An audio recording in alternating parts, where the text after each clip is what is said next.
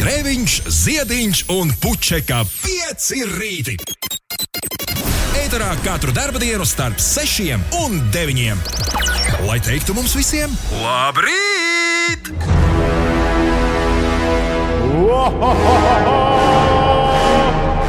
Un tur arī uztaisīja vahaha.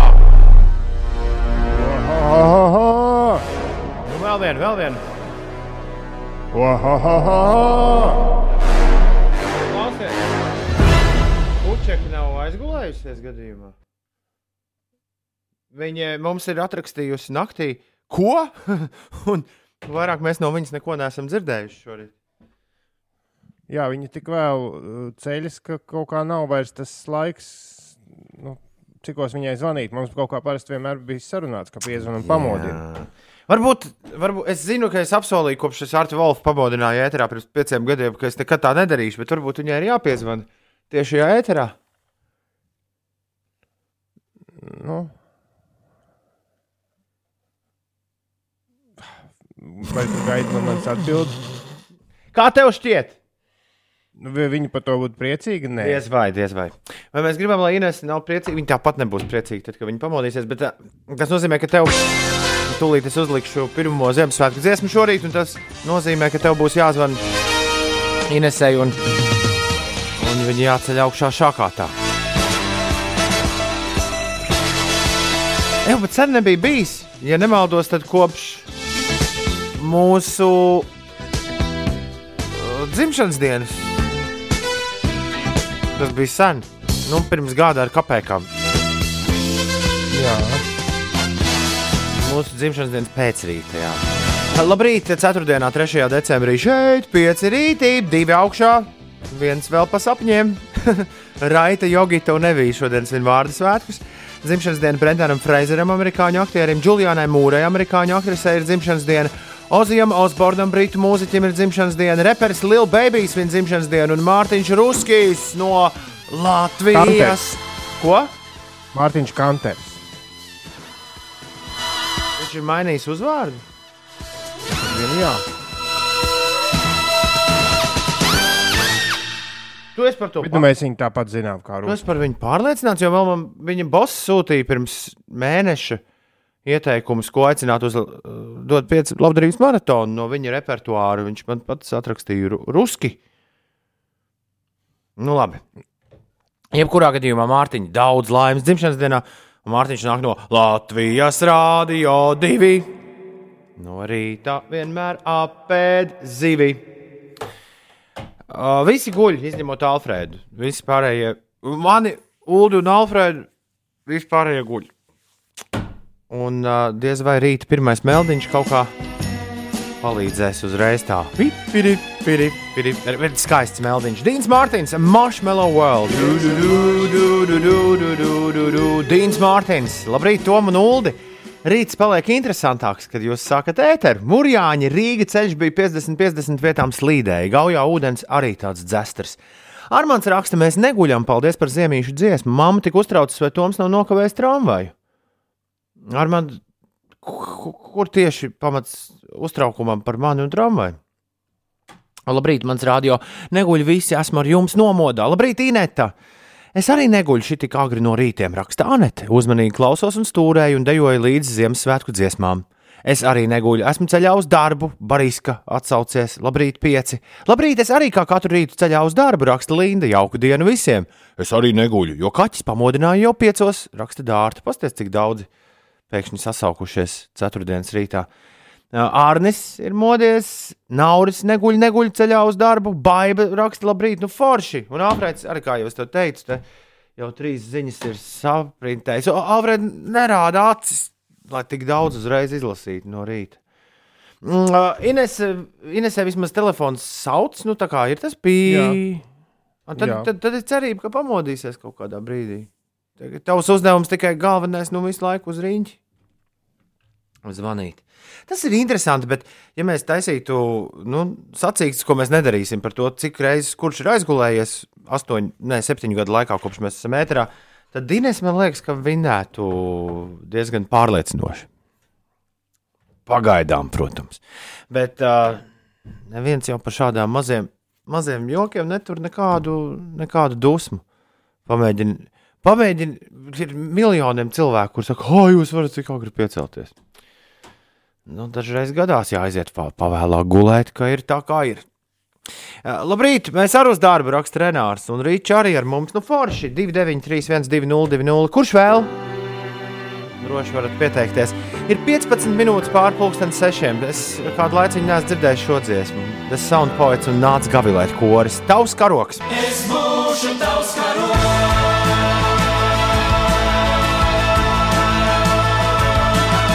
The Sound Poets un nāca gavilēt koris, tavs karoks. Pēkšņi ūdens uznāca tādā, tādā sajūta, redzēja nākotni, ka beidzot šī dziesma ieskanēsies kaut kad meža parka lielajā estrādē. Un tad pēc visa, visa, visa šī drāņa, ko mēs esam pārdzīvojuši, tās asaras pašas no sevis sprāgs vaļā. Piemini manus vārdus. Tu gan iespējams nebūsi estrādē tajā brīdī. Es visticamāk būšu. Nu, es tā lieku šobrīd, protams, pilnīgi aklas prognozes, bet Tāpēc, ka tev puika dziedās. Tā būs. Iespējams, jā, jau puika būs basos. Ai. Kaut nu tas viss beigtos bišķi ātrāk. Ir ceturtais. Ah, nē, Tom. Jā, Tom. Kas notiek? Tā. Uh, ir 4. un 3. decembris. Labrīt, šodien Latvijā pārsvarā saglabāsies apmācies laiks un vietām galvenokārt austrumu novados mazliet sniks, tā prognozē sinoptiķi. Gaisa temperatūra plus 1,2 grādi, dienvidu, dienvidu austrumu vēju brāzmās pūtīs ar ātrumu 7,12 m2. Rīgā nav gaidām būtiski nokrišņi, vēju brāzmās pastiprināsies līdz 11 m2 un gaisa temperatūra svārstīsies ap nulli. Laika apstākļus nosaka anticiklona rietumu mala. Atmosfēras spiediens jūras līmenī šodien 0,764, 768 dzīvesudraba staba milimetri, jeb 1019 līdz 1024 hektopasakāli. Vai, paldies! Pierakstu. Tālāk, Klaus, sestdien Rīgā plus 7 grādi.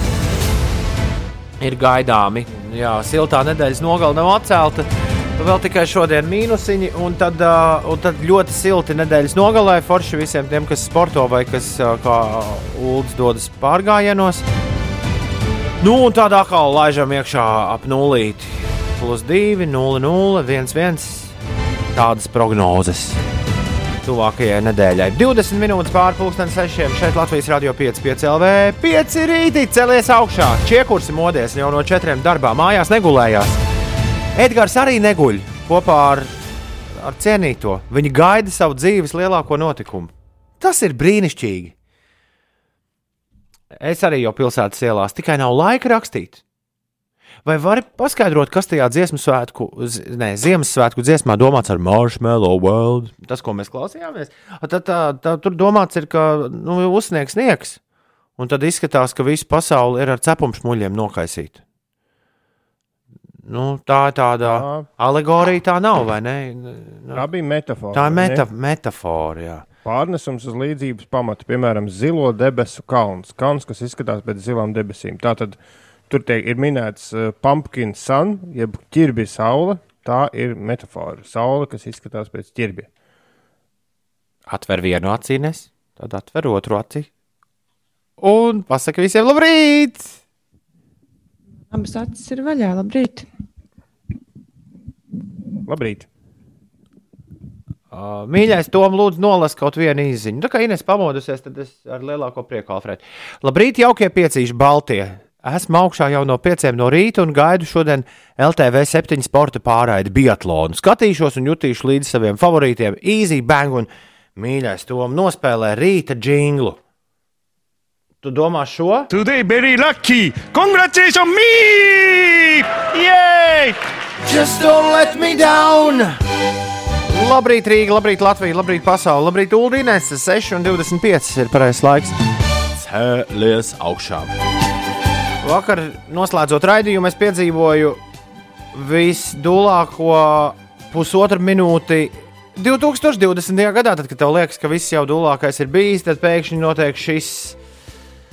Raksts var palikt. Es sūtīju joku, kur šī gada 31. decembra pusnaktī pulkstenis nepārlec uz 21. gadu, bet rāda 2020. gada 31. decembra 23, 59 un 61 sekundi, tad 62, tad 63 Tad uh, 64, 65 un tā tālāk. Sekundes.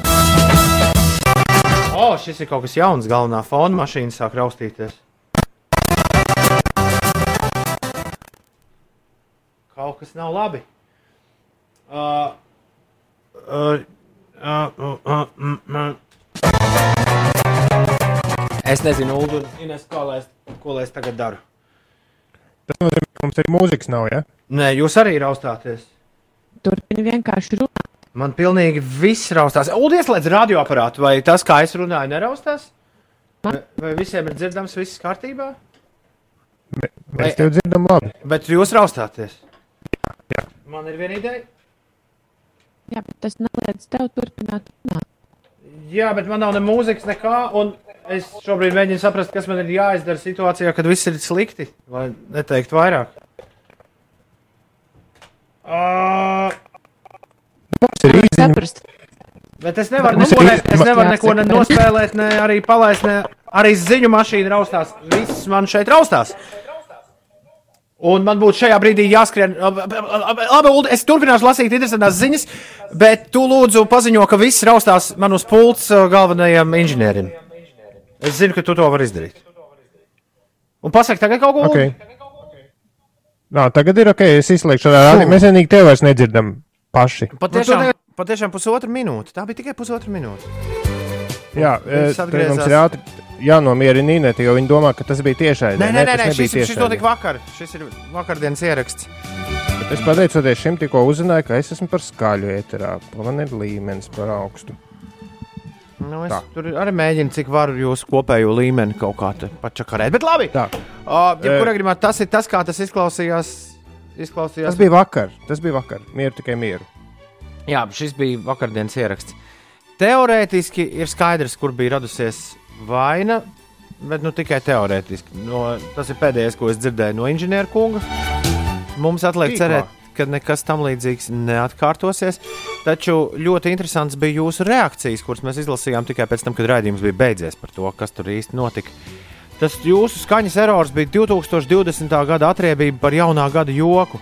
Nu, un, ja tu paklaus, ja paklausās vēlreiz, tad tiešām skaņas erors uzrodas tieši tajā brīdī, kad ir ULDA jaunā gada joks izstāstīts.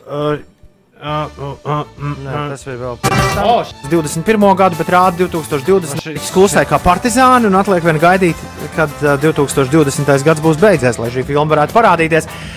Ja vien tas kādreiz notiks, jo Uldis mums kaut kad nesen sūtīja joku, kur šī gada 31. decembra pusnaktī pulkstenis nepārlec uz 21. gadu, bet rāda 2020. gada 31. decembra 23, 59 un 61 sekundi, tad 62, tad 63.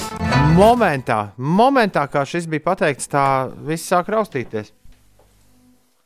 Tā ir zīme, ka nav ko jokoties par datoriem.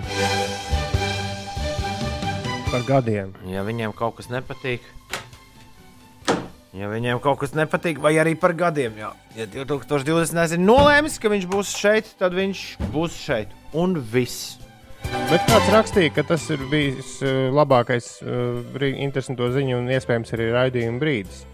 Nu, aizraujošākais. Tas daudz Kas gan- pasaka par raidījumu vadītājiem un, un vispārējo raidījumu saturu. Man vēl ļoti patīk, ka cilvēks, kurš rakstīja, ej, izslēdziet vienkārši torrentus. Tā. Tas dažreiz Jā, bet- var piemirsties.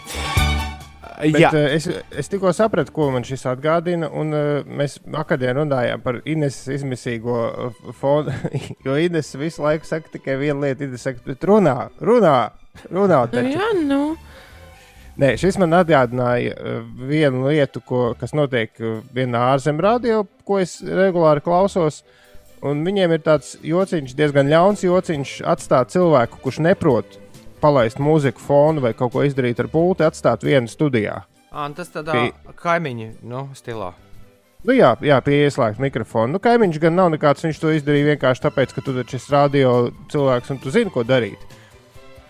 Bet uh, jā, viņi šo te ir izdarījuši ar visiem ētera cilvēkiem, un uh, jā, reakcijas ir ļoti līdzīgas. Un, un, jā, cilvēki, laikam, cilvēks, kas ir vispieredzējušākais ēterā, nu, to arī dara. Vienkārši visu laiku runā.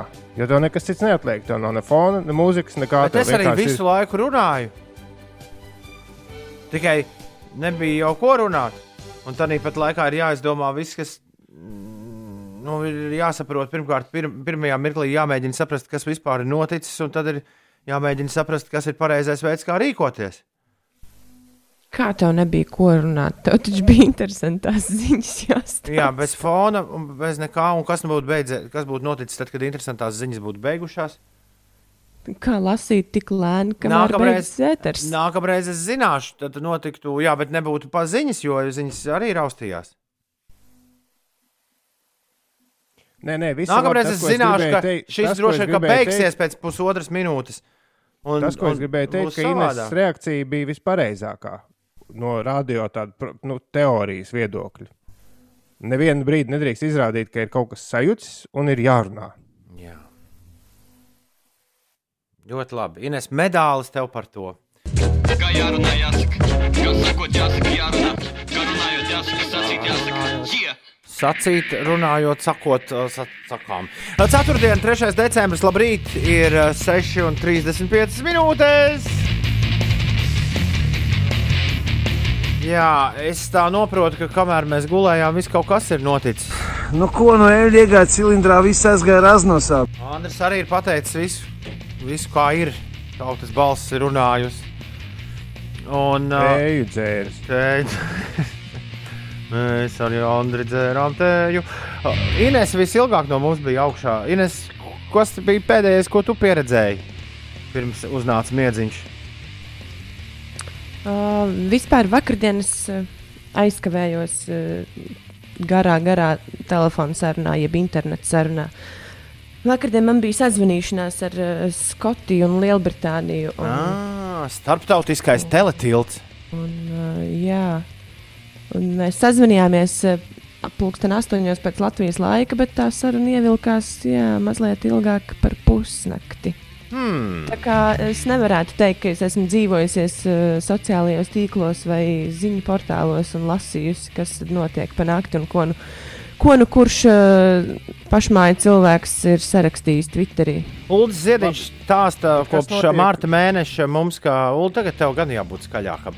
Ulrichs Ziedņš mums stāsta kopš marta mēneša, ka viss tas, kā uh, nu, ļoti pētot visu, kas notiek Eiropā, ka tas, kas pie mums notiek, ir ziediņa atšķirībā no tā, kāda dzīve ir Skotijā un Lielbritānijā, piemēram. Vai tu ieguvi šādu pašu sajūtu runājot ar, ar uh, biedriem? Nu, Tālijas Ā, zemēs.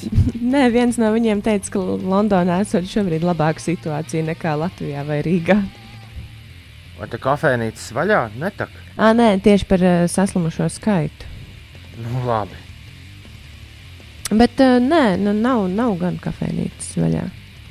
Igaunijā ir kafejnīcas vaļā. Es par to biju ļoti izbrīnīts. Tallinā. Man te atrakstīja viens, viens Tallinas DJ draugs, ka, oh, cik jauks mums piekdienas vakars bija. Es saku, ko jums ir viss vaļā? Nu, nu jā. Nu, ne tā kā viņš atbild, bija apmēram tāda, Igauni tā mēdz atbildēt. Nu, ne tā kā ļoti, bet vispār ir. Brīdī es atceros vienu, vienu senu paziņu, kurš saka, ah, zo. Viņš viņam bija tāds teiciens, ah, zo. Man pašam ar tādu teikt. Ko no tā var secināt? Nezinu. Nekāda jau tur uh, paradīze Igauniem uz mūsu fona nav, vai ne? Nu, mēs ļoti līdzīgi šobrīd ejam. Gan arī kopā, tur tā savijušās abas līknes. Ko no tā var secināt? Ja, ja labas vīknes secīgi ies arī tālāk, tad droši vien var secināt, ka kāda starpība ir kafejnīca vaļā vai kafejnīca nav vaļā. Nu, labi, tas ir mans secinājums. Nu, jā, bet nu, Tu šodien tā Ulu ļoti pusteikumos apraujies. nē, es vienkārši es, es reizēm uh, a- apstulbu. Nu, ir jāpadomā atbildi. Tā, jā.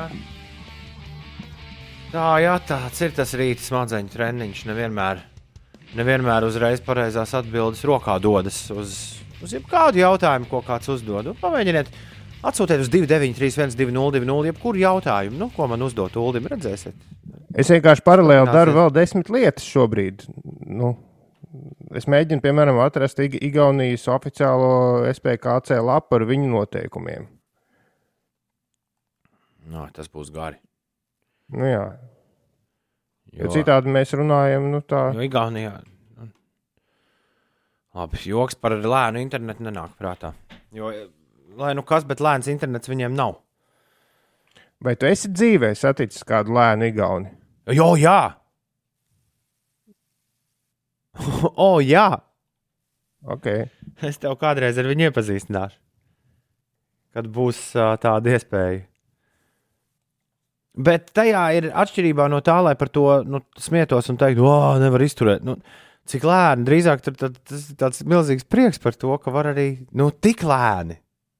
Tas, nu, viņiem tas lēnums, tas lēnums, kur es zinu, iet ar pamatīgu, nu, tam ir pamatīgs šarms, nevis, uh, nevis tas rada diskomfortu.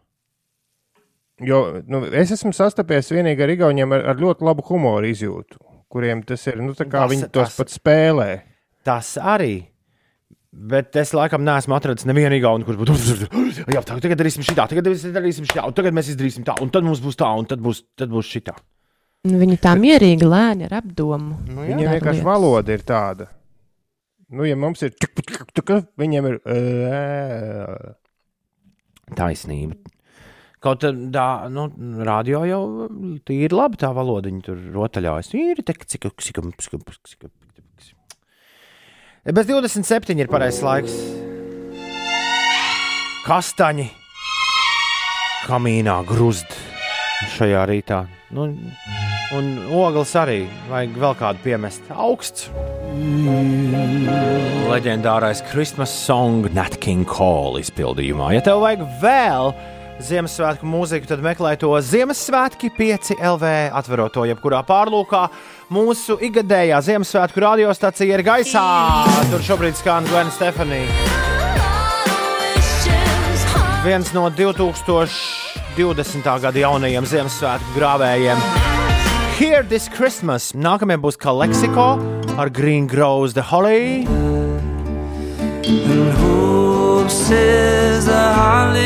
Tad būs pentatoniks. Tie ir uh, no akapēli jaunieši, kas vienmēr ap Ziemassvētkiem dzied dziesmas.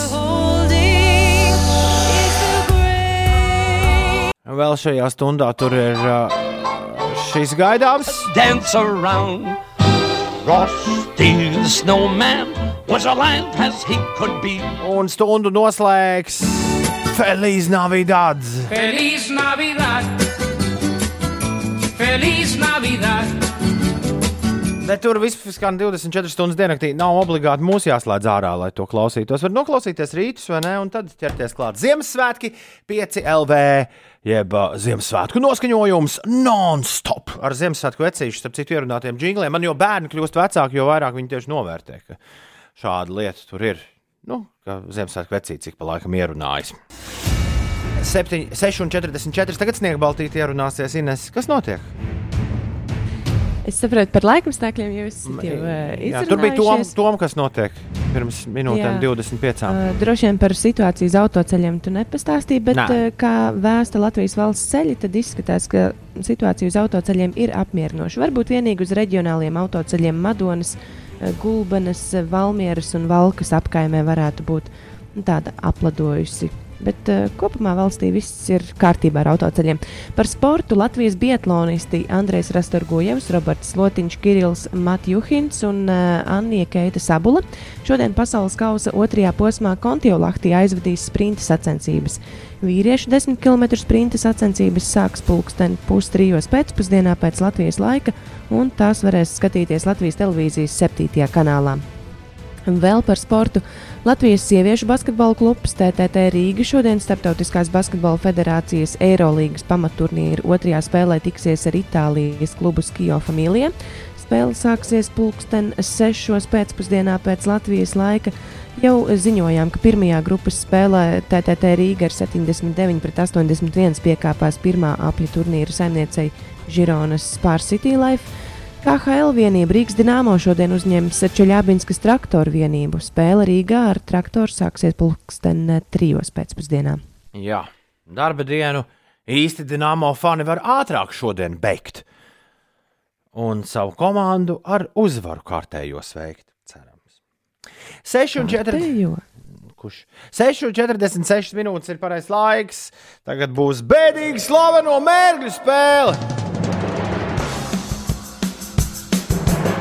Jā, Ulim jāpazūd no mūsu redzesloka, jo šodien Ulis būs bēdīgs slavenais mērglis un mēģinās uzminēt, kas viņš ir. Mēs arī nestulīt to izdomāsim, tad Ulis atgriezīsies un Ulim būs trīs minūtes. Čau, Ulde, tā! Čau, es atvados.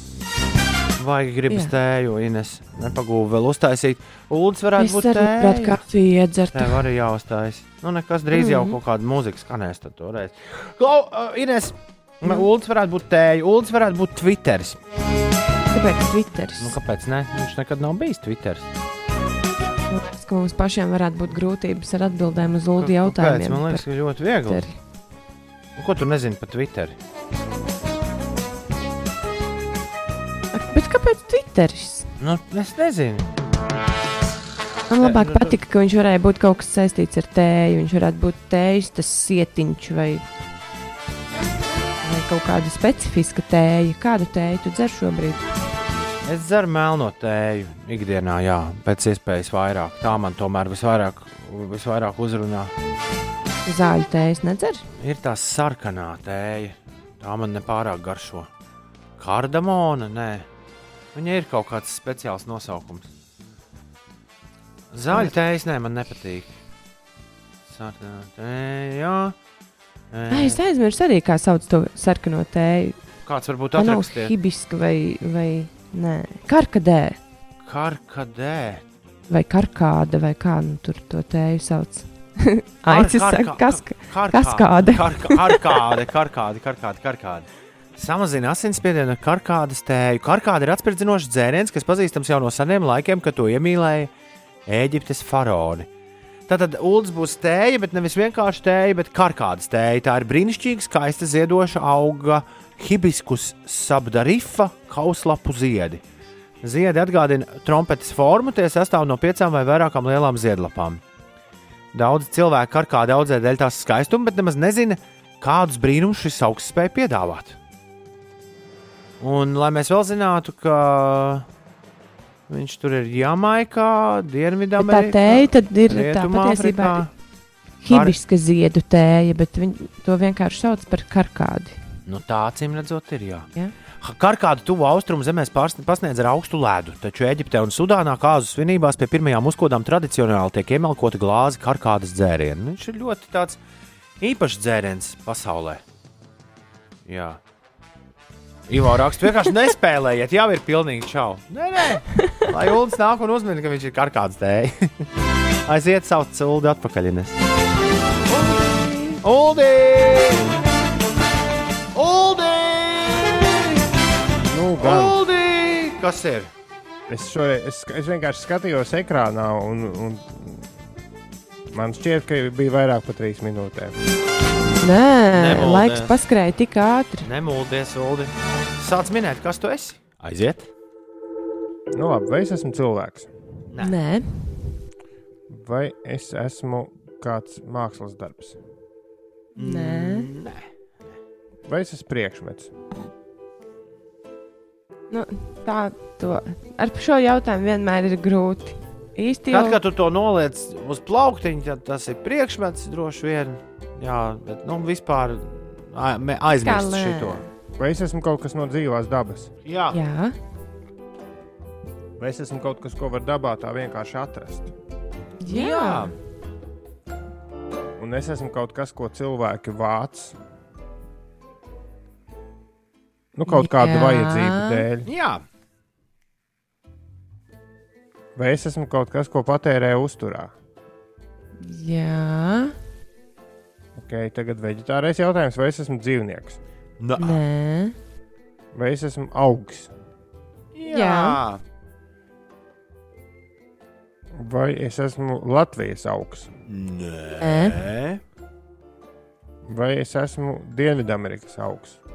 Arī. Tātad es esmu silto, nu, kaut kādu silto zemju augs, Jā. kaut kāds kaktus. Nē. Bet es esmu kaut kas, es esmu koks, nē. Nē. vai es esmu zupa. Nē. Labi, tagad es neesmu koks. Ja? Nē. Nē. Vai es esmu uh, tā, kaut, kas, kaut kāda puķa? Nu, Mm, jā. Sākumā. Puķi, kas uh, saules puķi, nē, tā aug Latvijā. Augs, orhideja. Nemīnē, to- nemīnē augus. Jā, Mini tu tālāk, atgriezies tu esi? atpakaļ. Jo, jo ja tas būtu tik vienkārši, ka tu esi kāds konkrēts z, nu, zieds. Ja? Ah, tad, tad es esmu kaut kāds konkrēts viens augs. Jā, kur diez vai Jā. tu uzminēsi, bet tas nav tas, kas tev jāuzmina. Es esmu konkrēts augs no kāda daļdarba. Nē, tu esi, Nē. tu esi ko, konkrēts augsts, no kura taisa to, ko mēs gribam dabūt. Tātad es neesmu augs, bet es esmu kaut kāds auga produkts. Jā, Nu, jā. tā varētu teikt. Tev vēl ir minūte. tīrā veidā, tīrā veidā dabā nesmu. Tīrā veidā, nē, tā- nu, tādā tīrā veidā, vai tad tā var teikt, Ines? Nu, jā. Nu, labi. Ines saka, ir jā. Nu, m- ne jautājums, vai, vai mani var atrast dabā? Jā, tikai Mhm. jā, pēc Ines, kā Ines saka, jā, bet jānovāc. Bet es neesmu nekāda apstrādāts. Nu, man jau šķiet, ka nu, lielākoties esi. Esi. Tā tad es neesmu dabā tīrā veidā. Nu, labi, tā, šis ir tagad, tagad ir. Tagad Šis bija ir jocīgi. sarežģīti. Šis ir varējis. Tu mēģini pārspridzināt mūsu smadzenes. Jā, man ļoti, tāpēc man ļoti interesē, kas tur būs. Un pirmā reize, kad mēģināju spēles minētājs iedodas stūrī, jautājumu uzdevējs. Labi, eh, es vienkārši esmu uzsēdies uz agavas kaktusiem, tāpēc esi nav. sastopams tīrā veidā dabā, bet uh, tas, ko mēs tev liekam minēt, tu esi kaut kādā veidā apstrādāts. Un tu esi tāds, nu, tā kā gala produkts. Nu, jā, skaidrs. un laiks ir beidzies. Kas tu esi, Uldi? Es esmu uzsēdies uz agavēm vai kaut kādiem tapiokas miltiem. Bišķi par sarežģītu, bet uh, nu, tu biji jau uz pareizā ceļa. Un Ivo Uldis noteikti būtu uzminējis, ja Būtu ja vēl būtu trīs minūtes. Vairāk laika, jā. Ivo Rītīgs Esi- haters ir šitam. Ivo, tāds sajūta, ka Ivo ir trāpījis uz sliktāko radio, ko viņš savā mūžā ir dzirdējis. Uldi, vai tu zini, vai tu zini hibiska ziedus? Nē, Bet tu noteikti zini sarkanu tēju, kur sauc par karkādas tēju, ko iegūst no hibisku ziediem. nu, karkāda vai kurkuma es visticamāk jaucu šos abus. Tie nav viens un tas pats. Tas galīgi nav viens un tas pats. Tu biji karkādas tēju, Uldi. Jā, tur tiešām jāpadomā, vai tas ir dabā atrasts vai nav atrasts. dabā. Nu, ir Nu, labi, bet kad- ziedi dabā ir sastopami. Jā, bet tas ir žāvē un sanāk tēji. Jā, bet ja to dabū kā ULDS veikalā paciņās, tad tas jau ir apstrādāts. Nu. Tādu Bet tu paciņā, apstrādāts? paciņu jau tu nepaņemsi no krūma. Nu, paciņu nepaņems, jā, bet tas nu, Nu, galvenais tēja ir vienkārši savs augs. Nu, jā. Nu, labi, nu, un nu, kāpēc mēs vēl ir par to jādiskutē? Nē, nē, es vienkārši sap, mēģinu saprast, kur, kur bija tā. Nu, jā, skaidrs. nē, nē, es vienkārši saprotu, ka Toms bija domājis to nu, tādu siepu, ko, to, ko nopērk veikalā, bet tēja jau ir tas pats augs. Nu, un Jā. tāpat līdz galam jau nenonācām. Jā, bet es nezinu, es, es neesmu nekad karkādas tēju apzināti pircis. Līdz ar to es būtu droši vien minējis kurkumas tēju. Bet kurkumu, man liekas, arī mēdz. Viņi mēdz dzert. tējas, Ne, viņi jā. mēdz arī dzert kā tēju, starp citu. Man Starp citu, pēdējā lieta, ko es tagad daru, ir uh, dzert kafiju vai zāļu tējas ar kardamonu. Ļoti atgādina Jordāniju. mm. 6,56 tā bija bēdīga slaveno mērķa spēle. Īpaši Ivo iesaka. Nu, to klausīties arī turpmāk, ceturtdienās. Skaidrs, ka mēs klausāmies. Es klausos Uldī, Uldis klausās Inesē, Ines klausās manī. Nu, tā uz rīņķi mēs ejam. Ap virtuālo virtuves galdu. Uldis Ines mājās, es esmu studijā. Tas viss drīz mainīsies, jo ir atlikušas divas nedēļas līdz labdarības maratonam dot pieci, un pirmdien būs atlikušas desmit dienas līdz labdarības maratonam dot pieci. Un tas tikai nozīmē to, ka būs man laiks izolēties. Nu, pirmkārt, un galvenokārt no visiem kolēģiem. Jo nu, doma ir pavisam vienkārša. Ja mēs viens otru nesatiksim, tad arī iespēja mums uzvelt kārtīgu sniega piku ar jebkādu veidu vīrusu ir uh, ļoti, ļoti maz iespējama. Un tāpēc es pārvākšos no, sākot no pirmdienas uz, uz savu garāžu, un Ulus un Ines pieslēgsies garāžas šovam. Kurš nedaudz, nedaudz atšķirsies no ikrīta raidījuma, jo nu, tur bišķiņi dažādi audio izgājieni ir nedaudz ierobežoti. Bet, uh, bet viss pārējais būs tieši tāpat kā vienmēr. Ir 7 pār 7 šobrīd. Es vēl pats to neesmu aptvērs, Ines un Ulu. Šis ir priekšpēdējais rīts šogad, kad esmu pie radiopogām. Īstenībā es arī nē. Nebiju iepriekš aizdomājusies par to tā. Bet ir tā, kā ir. Ir tā, kā ir. Ir tā, kā ir. Jau sārti vaigi Ziemassvētku briedim. Ir 3. decembris. ir 4. diena. Celies augšā. Ei! Amilau! Run, run, run, run! Tun, rundun. Mūsēs Rīga Latvijā! Būs augsta diena. Augsta un uh, feina diena.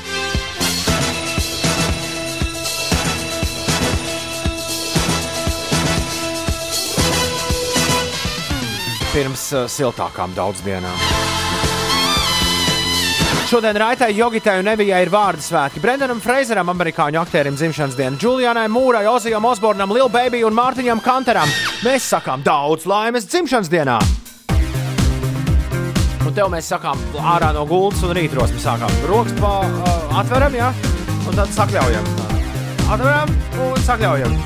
Un vēl viena lieta, ko darām, viena roka augšā, otra lejā. Viena roka augšā, otra lejā, otra augšā, otra lejā. Tad, kad šī dziesma bija populāra un bija topos, tad radiostacija, kuras tajā laikā klausījos, šo dziesmu vienkārši nogalināja. Mēnešiem ilgi dragājot reizi pa kādām trim stundām. Bet kaut kādas jau atmiņas ar šo gabalu saistās. Jāteic, ne tās pašas sliktākās. The Bad Touch, Bloodhound Gang. 7 un 11 minūtēs. Labrīt! Labrīt, ceturtdienā. Tomēr nevar. Grūti noraut Bloodhound Gang no Liepājas. Nos. Jūs neviens nebijāt Liepājā uz Bloodhound Gang, kon gang koncertu Fontēna kunga pagalmā. Tas bija inter interesanti, būtu īstais vārds, kā to raksturot. jā. Ir, ir 12 minūtes pārpusdienas septiņiem. Labrīt, visapkārt! Šeit Latvijas radio 5, 5 LV un, protams, 5 rītī. 5. Uzgriez un ir. Ārnis prasa, kas ir pangions. Ines Uldi, jūs kaut ko zināt par pangionu? Izklausās pēc kāda no Pokemoniem. Pangions. Kāpēc Arnēs to prasa?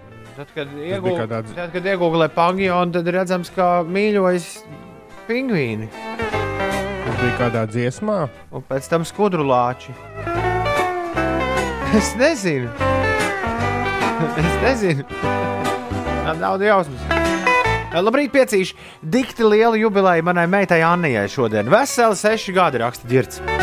Viņa visu mūžu ir klausījusies piecēlē. Sveiciens no tēta, kurš vēl visu to labāko un skaistāko. Un, ja varētu, tas būtu tik forši, ja Ulas Anijai dzimšanas dienā nodziedātu Coldplay Adventure of a Lifetime. nu, šauj vaļā, Ulu.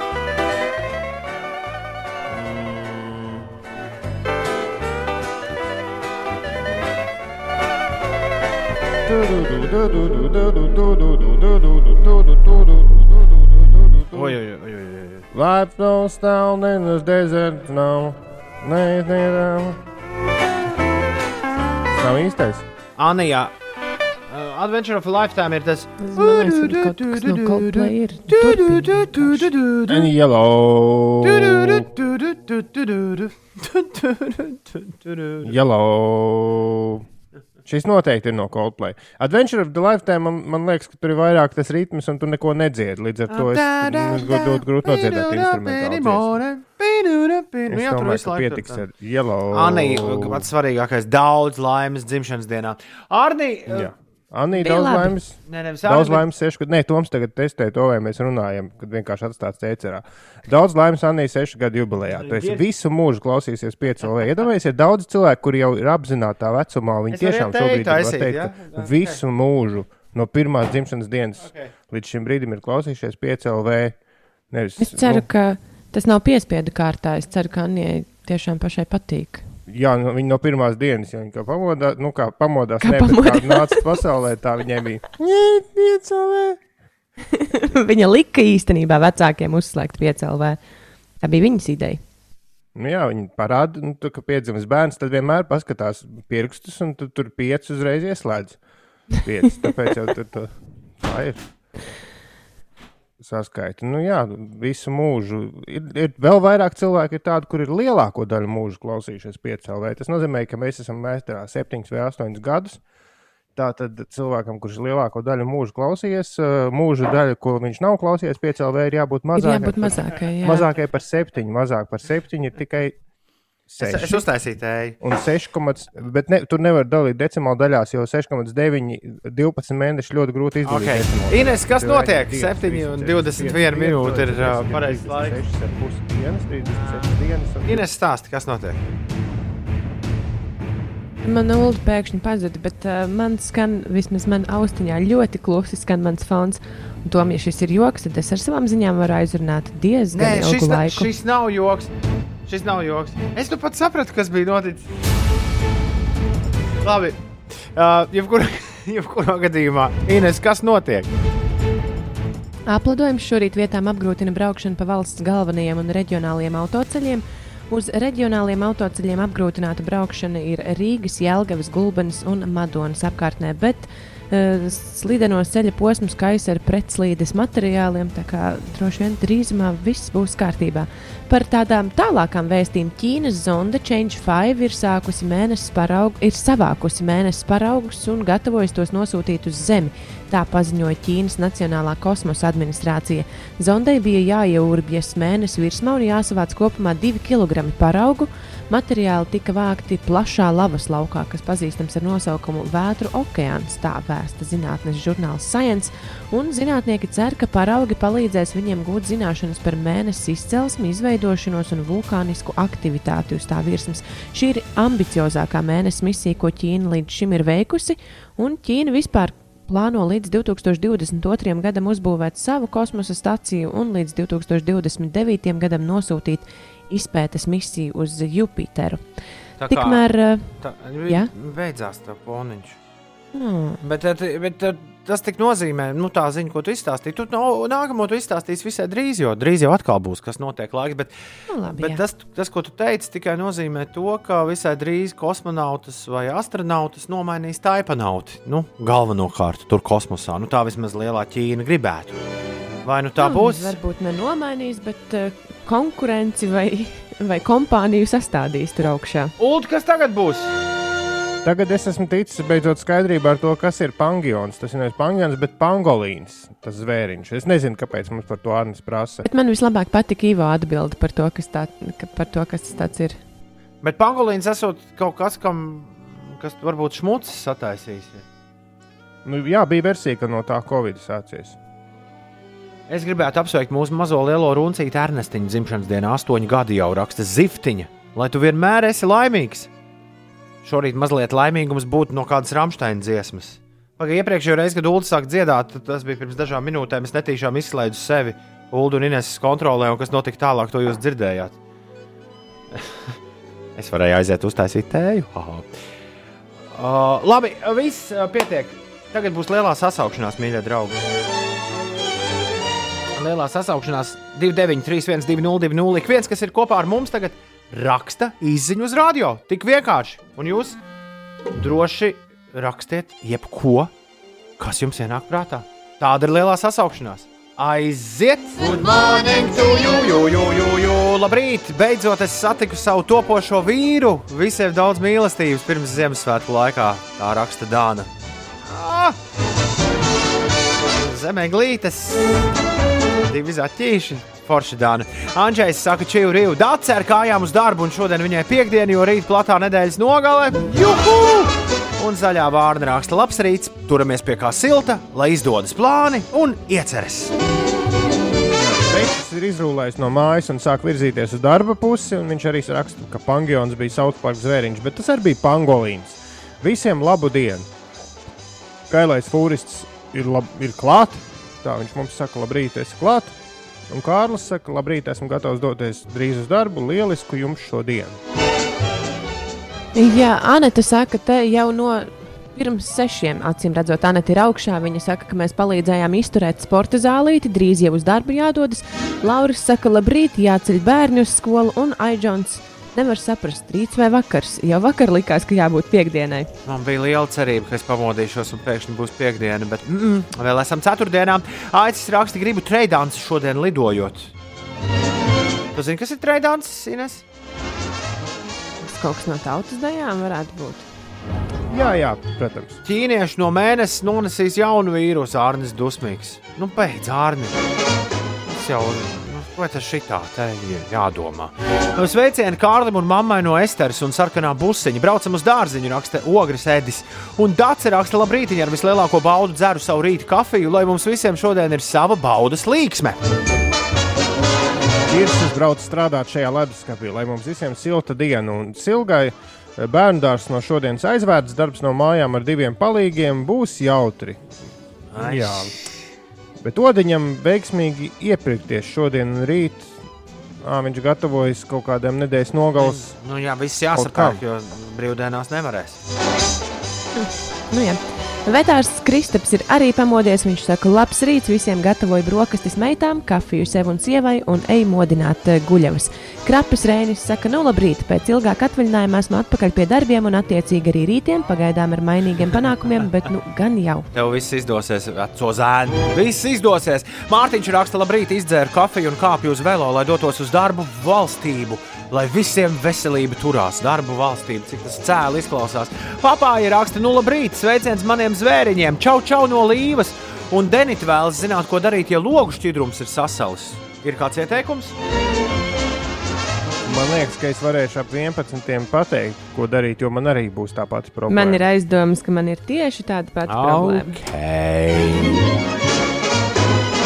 Okay. Ērglim no Liepājas ezera, šorīt ir vēss vējainās Liepājas sveiciens. Viņš ēd lielās plānās pankūkas. Oi, forši. Un uz Bausku uz cehu visiem veiksmīgu braucienu. Tā mums raksta Food trailers.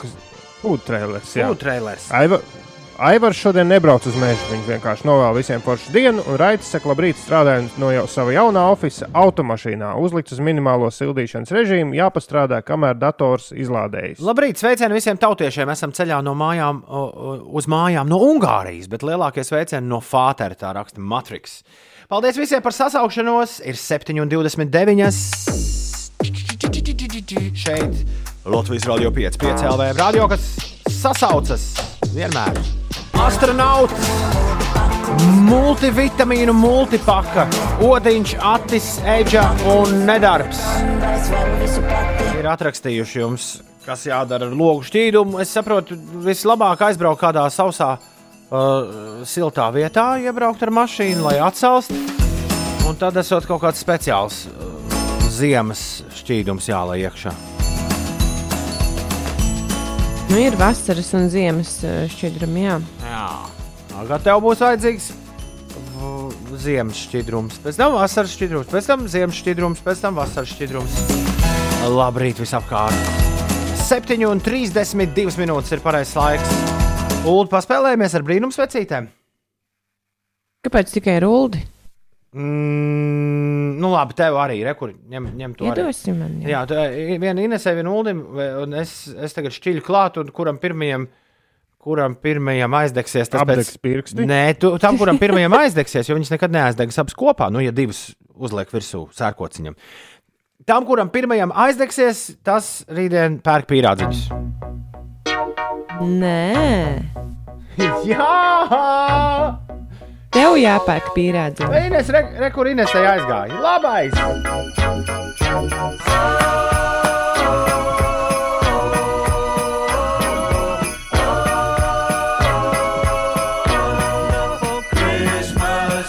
Šis ir maģiski. Es atradu savu bērnības pirmo Ziemassvētku kaseti, kamēr šī dziesma skanēja. Aizsūtīju Ulimam un Inesai arī to apskatīties. Šī varētu būt vienīgā Ziemassvētku playlist, ko es jebkad varētu uztaisīt. Ar uh, dziesmām, kas bija iekšā pirmajā kasetē, kur, kurā es iepazinos ar ārzemju dziesmām. Tajā laikā es kāpēc tās tā kā rīktīgi par radio nespēlēju, vai arī tas bija, gads nav pierakstīts, vai arī tas vēl bija mirklis pirms FM radiostaciju lielā uzvaras gājiena. Neatceros. Bet um, būsim pazīstami. Bija izlaiduši izlases Ziemassvētki. Un šī dziesma bija ceturtā dziesma A pusē. Tā dziesma, kur pat mēs dzirdējām. Uh, no Wonderful Christmas time. Mm -hmm. Un es atceros, iedomājieties, tu redzi dziesmu sarakstu. Tur ir Queen, Thank God It's Christmas, Vam Last Christmas, tur ir Do They Know It's Christmas, tur ir Mistletoe and Wine. Lieli, arī Džons Lenons tur Solis uz Christmas, lieli, lieli, lieli Ziemassvētku grāvēji. Un iedomājieties, kā to dzird pirmo reizi cilvēks, kurš nekad to iepriekš nav dzirdējis. Es atceros, ka tieši Paula Makartnija Wonderful Christmas time laikā man bija tāds sajūta, oh, šī tā gan ir interesanta dziesma. Visu laiku atkārto vienu un to pašu. Ļoti iespējams, ka tā ir popdziesma, kuras savā dzīvē esmu dzirdējis kopš tās dienas visvairāk. Un katru gadu no jauna tā atgriežas. Un kaut kā ir pārgājis arī tas, ka pumps no tās metas. Vienu brīdi tā bija. Ir uh, 7,38 minūtes. Kura vēl bija tāda kasete? Es tagad skatos uz to vāciņu ar dāmu ar cepuri. Man, man liekas, ka kaut kas tāds bija, bet vizuālā asociācija jābūt, jābūt vēl kaut kādai Ziemassvētku kasetē ap to laiku. Tas bija nākamgad, pēc tam bija vēl divas. Bet šī tāda, šī bija pati pati pirmā. Un tur ir pāris aizmirsti gabali. Būs jāsameklē, jo galu galā Ziemassvētku laiks, kad citādi meklēt Ziemassvētku mūziku, vai ne? Viņas tētis sarakstīja, ticot, mīlot un gaidot. Viņa mums Ziemassvētku dziesmā dzied par to, ka kaut kas notiek divu gadu garumā. Agnesē! Piedaloties JJ Lošs. Piecos rītos saku tev, atā. 7,42. Es saku tev, runā, nevis atā, Ines. Kas notiek? Latvijā pārsvarā saglabāsies apmācies laiks un vietām galvenokārt austrumu novados mazliet sniks. Gaisa temperatūra būs robežās no plus 1 līdz minus 2 grādiem. Dienvidu, dienvidu austrumu vēja brāzmas e, pastiprināsies līdz 7,12 metriem sekundē. Galvaspilsētā nav gaidāmi būtiski nokrišņu vējš, brāzmās pastiprināsies līdz 11 metriem sekundē un gaisa temperatūra Rīgā svārstīsies ap nulli.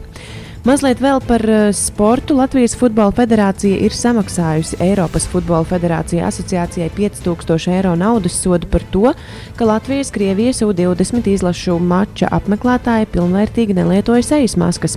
Tas notika 13. oktobrī, kad uh, Latvijas U21 izlases konto stadionā aizvadīja 2021. gada Eiropas čempionāta kvalifikācijas turnīra spēle ar, vienu, ar vienaudžiem no Krievijas.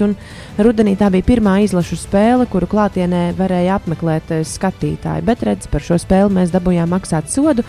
Um, nu, Laikam vienīgais prieks, ka neesam vienīgie, kas dabūjuši maksāt sodu par sanitārā protokola pār, pārkāpumiem attiecībā uz spēles apmeklētājiem. Novembrī sodi tika piemēroti arī Luksemburgas un Horvātijas futbola federācijām, kas arī oktobrī aizvadīja mačus. Tāpat pārkāpumi konstatēti arī UEFA Čempionu līgas un UEFA Eiropas līgas spēlēs. Fāter beidz vilkties pa bāni, iesmiedz normāli pedāli, Lelda nevar tevi sagaidīt. Mēs esam šādu ziņu saņēmuši. Jā, un daudz mums raksta joprojām par to, kā atsaldēt, uh, kam tur bija aizsāles logu, tīri, tīrāmā šķidruma. Tas tur mums ieteica kādu lielveikalu, lielveikalu Rīgā pie stacijas. Es varu ieteikt, ka ir viena jauna pazemes stāvvieta Rīgā netālu no Sporta akadēmijas pie Šmerļa, kur pazemē var iebraukt un atsaldēties. Nu, Ivaram, nes kāpēc vajag zināt, kāds bija Krievijas un Latvijas U20 rezultāts. Ja es pareizo atradu, nē, es neatradu pareizo. Es atradu 26. aprīlī 2014. gadā ir bijis 3-0 Krievijas labā. Bet kāds bija tieši šajā spēlē, ej nu sazini. Tagad tā ātrumā gan nevarēšu arī pateikt. Es par tām rezultātu lapām. Ui, es atradu 14-0 arī kaut kad ir bijis. Bet tas ir hokeja. Nē, nē, nē. Te mēs par futbolu U21 izlašu spēli. À, Tad vajadzēja googlēt U21, nevis U20. Tu visu sajauc, Ingūna! Nu, Norvēģi saka, ka viņi atkusīs. Tā arī ir. Noteikti. Tā kā liecieties mierā. 4-1 esot bijusi, bijis rezultāts. Mārtiņš raksta, kurš vinnēja? Ko, Mārtiņ? Ir 7,45 pareizs laiks. Labrīt! Tu klausies 5 LV! Neighborhoods! Visai drīz ir gaidāmi tavā rīta radio. Būs arī Bermudu divstūris. Bet vispirms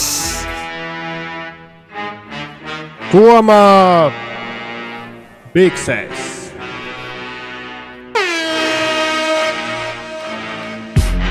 Nu, tad liekam, Naughty by Nature, tā kā mēs vakar arī runājām, vai ne? Negants, negants no dabas. Vai kādam kāds labāks tulkojums prātā?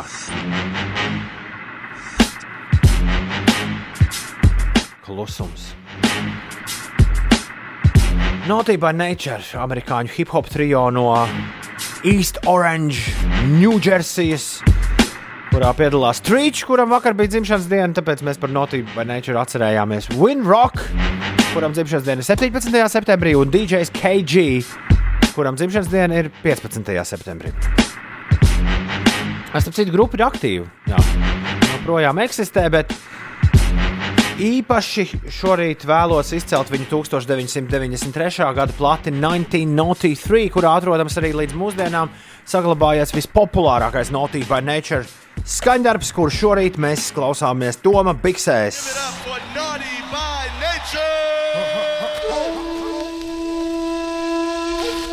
Naughty by Nature, hip hop hooray! Toma Biksēs, klasisks raps! Iekšto, piekto Rīgu. Labrīt! Ulu, ja tu nevari izdomāt, ko man dāvināt Ziemassvētkos, tad šito platē ar lielāko prieku es pieņemtu. Naughty by Nature 1993. 93. gada plata Hip Hip. Nē, Hip Hop Ray. Šorīt Toms Biksēs. Grupas latviskojums labākais, ko es saņēmu izziņu aparātā, ir Nešpatns no dabas. Vetārs Kristaps raksta, ka viņa, tajā, viņa tā laika biksēs bija tieši šī tāda pati kabata. Tas bija labs bikšu laiks. Naughty by Nature šorīt Toms Biksēs.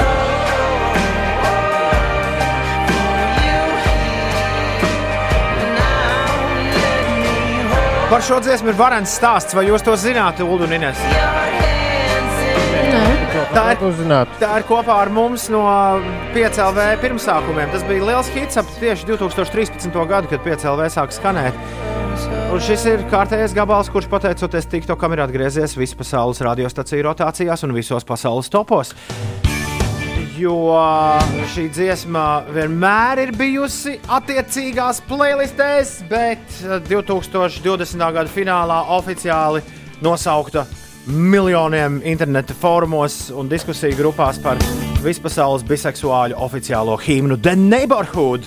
Ir atpakaļ slavas zenītā tieši ar savu veco, labo, visu laiku lielāko hitu Sweeter Weather, kuru nu pat mēs dzirdējām piecēlā vētrā. Kas ir jādara TikTokā šīs dziesmas laikā? Es neesmu redzējis. es neesmu pārliecināts, ka es līdz galam uh, šorīt gribu to uzzināt. Man ir citas, citas lietas, par kurām runāt un par kurām domāt šorīt. Un... Jā, varbūt mēs, varbūt mēs ne visiem esam mērķa auditorija. Nu,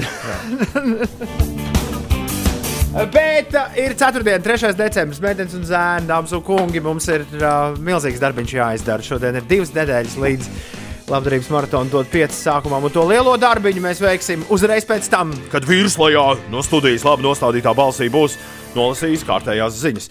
Uh, tas notiks burtiski tūdaļ pat, jo visā Latvijā pareizais laiks ir precīzi 8 no rīta. Meitiņas zīmējumi, fotografija no mūsu kāzu jubilejas. Tā ir saplēsts stikls ar galvu atsitos. Bija bez atļaujas izgājis ārā no mājas. Šos ziedus viņš man pēc tam uzdāvināja. Mani mati, tos viņš nu pat man izrāva, jo zupa bija par sāļu. Kā lai tiek ārā no šī apurtā loka? Piedalies labdarības maratonā, dod 5 un ziedo ar dziesmu. Tavi 5 eiro būs stunda drošībā cilvēkam, kurš bēg no vardarbības ģimenē. Palīdzi izrauties! Aicini sabiedriskie mediji sadarbībā ar Rebaltiku un Ziedot LV. Ienāc dot 5 LV. 5. Krievu rulēt! Radio, kas klausās. Ir 6 minūtes pār 8. Es jums sūtīju, eh, es sūtīju jums no tramvaja video, vai jūs to redzējāt šorīt eh, no rīta, Ulu un Ines? Nē. Es redzēju, Jā, Ines, mēs zinām, kāpēc tu neredzēji. Labi, kurš, kurš to lai klausās? To lai viss klausās podkāstā. Un pie reizes milzīgs paldies jums visiem, kuri dalās Instagram ar to, ka Spotify jums ir parādījis to, cik ļoti daudz un ilgi jūs esat klausījušies šogad piecu rītu podkāstu. Mums par to ir liels prieks. Lai podkāsts iet ā, tālu tālumā. Katru rītu mēs iekonservējam to, kas šeit notiek. To jūs varat atrast e-punkts uz Slipsvītra podkāsts. Podkāstā jūs varat noklausīties, kāpēc Ines neredzēja video šorīt no rīta, bet Ulas redzēja video. E, Ir ļoti interesanti tramvajā salīmētas zīmes. Un es, Es īsti pateiktu- nespēju šīs zīmes, ja godīgi iztulkot šorīt. E, izskatās, tā, izskatās tā, it kā kāds būtu spēlējis desas uz tiem krēsliem. Ir Nu, bet, krustiņš. piemēram, beigās, kur man patīk sēdēt, tā lai neviens man neredz. Tur ir uzlīmēts, tur, kur man neviens neredzētu, ka nedrīkst sēdēt divi, bet tur, kur ir trīs pēc kārtas, nu, kur jau apsēdīsies trīs svešinieki, tad viens otru apvīrusos, ka traki, tur atkal ir atļauts sēdēt. Nē, nu, tie trīs ir jau ir jāsaglabā kaut kāda iespēja braukt cilvēkiem, kas ir ģimene vai kaut kā tā. Jā, nu, jā taisnība, taisnība. Bet, pagaid, bet nedrīkst sēdēt tur, kur ir uzlīmēts tas uh, nu, uh, zīm, Tieši zīmiņ, tā. zīmīt. virsū. Un laikam juridiski bija tā, ka 50% drīkst būt piepildījums, un tad viņi tur rēķina. nu, Un tad Rīgas, nāks, tra, tad eh, nāks šitā te tramvaja vadītāja, teiks, kopiet ārā. Šeit ir pa daudz cilvēku. Sabiedriskajā transportā Rīgā to ir diezgan grūti nodrošināt, jo ir ļu, nu, paliela cilvēku plūsma. Varbūt ir Tāpēc, laiks eh, ar tie- reiz divi palielināt visnoslogotākajos maršrutos. Vienā no tiem es braucu arī transporta līdzekļus. Ko? O, Nu, Uzrakstīt, varbūt Rīgas satiksmē. Halo! Dārgā Rīgas satiksme, enter. 8, 8 minūtes pār 8. Piedod, Ines, man ir svarīgākas lietas, kuras šorīt ir jādara. Ir 8 minūtes pār 8. Jā, ir 4. un 3. decembris. Divas nedēļas ir atlikušas līdz labdarības maratonam, dod 5. Labrīt! Cēlies augšā! Iet pa ceļu, nagu laks, nagu laks, nagu laks. Ir sākusies varena diena. Galvenais ir labi izgulēties. Jūs nevarat iedomāties, cik tas ir forši. Beidzot, es to izbaudu. Labi, labi. baudi vien. Raitai, Jogitai un Evijai šodien ir vārdu svētki. Daudz laimes dzimšanas dienā Mārtiņam Kanteram. Gan viņi zina citu uzvārdu. Uh, Sveiciens dzimšanas dienā Brendanam Freizeram, Julianai Mūrai, Ozijam Osbornam, Lil Baby. Un sveiciens arī veselai kaudzei mūsu klausītāju. Murkšķim šodien ir dzimšanas diena. Viņš raksta, man šodien dzimšanas diena. Alfrēds varētu man apsveikt. Alfrēds, tev ir 20 sekundes, lai sazvanītu 293, 202, un apsveiktu Murkšķi dzimšanas dienā.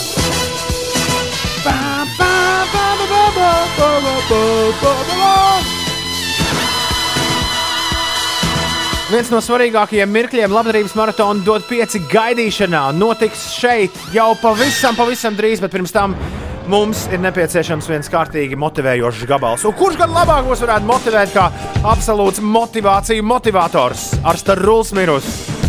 Kādreiz pazīstams kā Gustavs. Jā. Gustavo, mūsu soļi, piecēlē, labrīt! Labrīt, visapkārt! Šis ir īpašs laiks, šis ir īpašs laiks, un vakar ēterā notika kaut kas, kaut kas dikti īpašs. Viss sākās ar ULDU nelaimīgo velosipēdu, ko viņš ne- negrib. Kur es sēžu Negrib kā manā- suns uz Kā suns uz siena kaudzes. Tieši tā. Es teicu, ULDU, nu, iedod man velosipēdu, vai arī pārdod man. Un... Tad sākās kaut kāds. Bet tev nevajag. tur pīkstēju, Bet tev nevajag, dārgs bet tev nevajag velosipēdu. Nu, varbūt tomēr vajag, un nākamgad varbūt es braukšu. Kad tu pēdējo reizi brauc ar velosipēdu? Pagājušajā gadā. Pēc uh, apmēram šādas pašas sarunas tikai Inês arī vēl iesaistījās un Ulu tā pamatīgi aiz uh, zoba, nē, aiz deguna vilka. Uh, Pēc šādas sarunas mēs saņēmām īsiņu no baigas. Viņa rakstīja, labrīt, Ulu. Varbūt vēlēs šo velosipēdu ziedot desmitgadīgam puikam. Viņš ir liela auguma. Puisim būs iespēja uzkāpt uz velosipēdu un izbraukt pa ciemu kopā ar citiem bērniem. Es strādāju labdarības kustībā un saskatu iespējas saklausu variantus, kur līdzcilvēku atbalsts ir sapņu piepildījums cilvēkiem, kuriem nav iespējams pašiem sarūpēt pat ikdienai nepieciešamās lietas. Iesaku pamēģināt dāvināt no sirds. Tas prieks bērnu acīs, tā sajūsma, tā ir lielākā alga.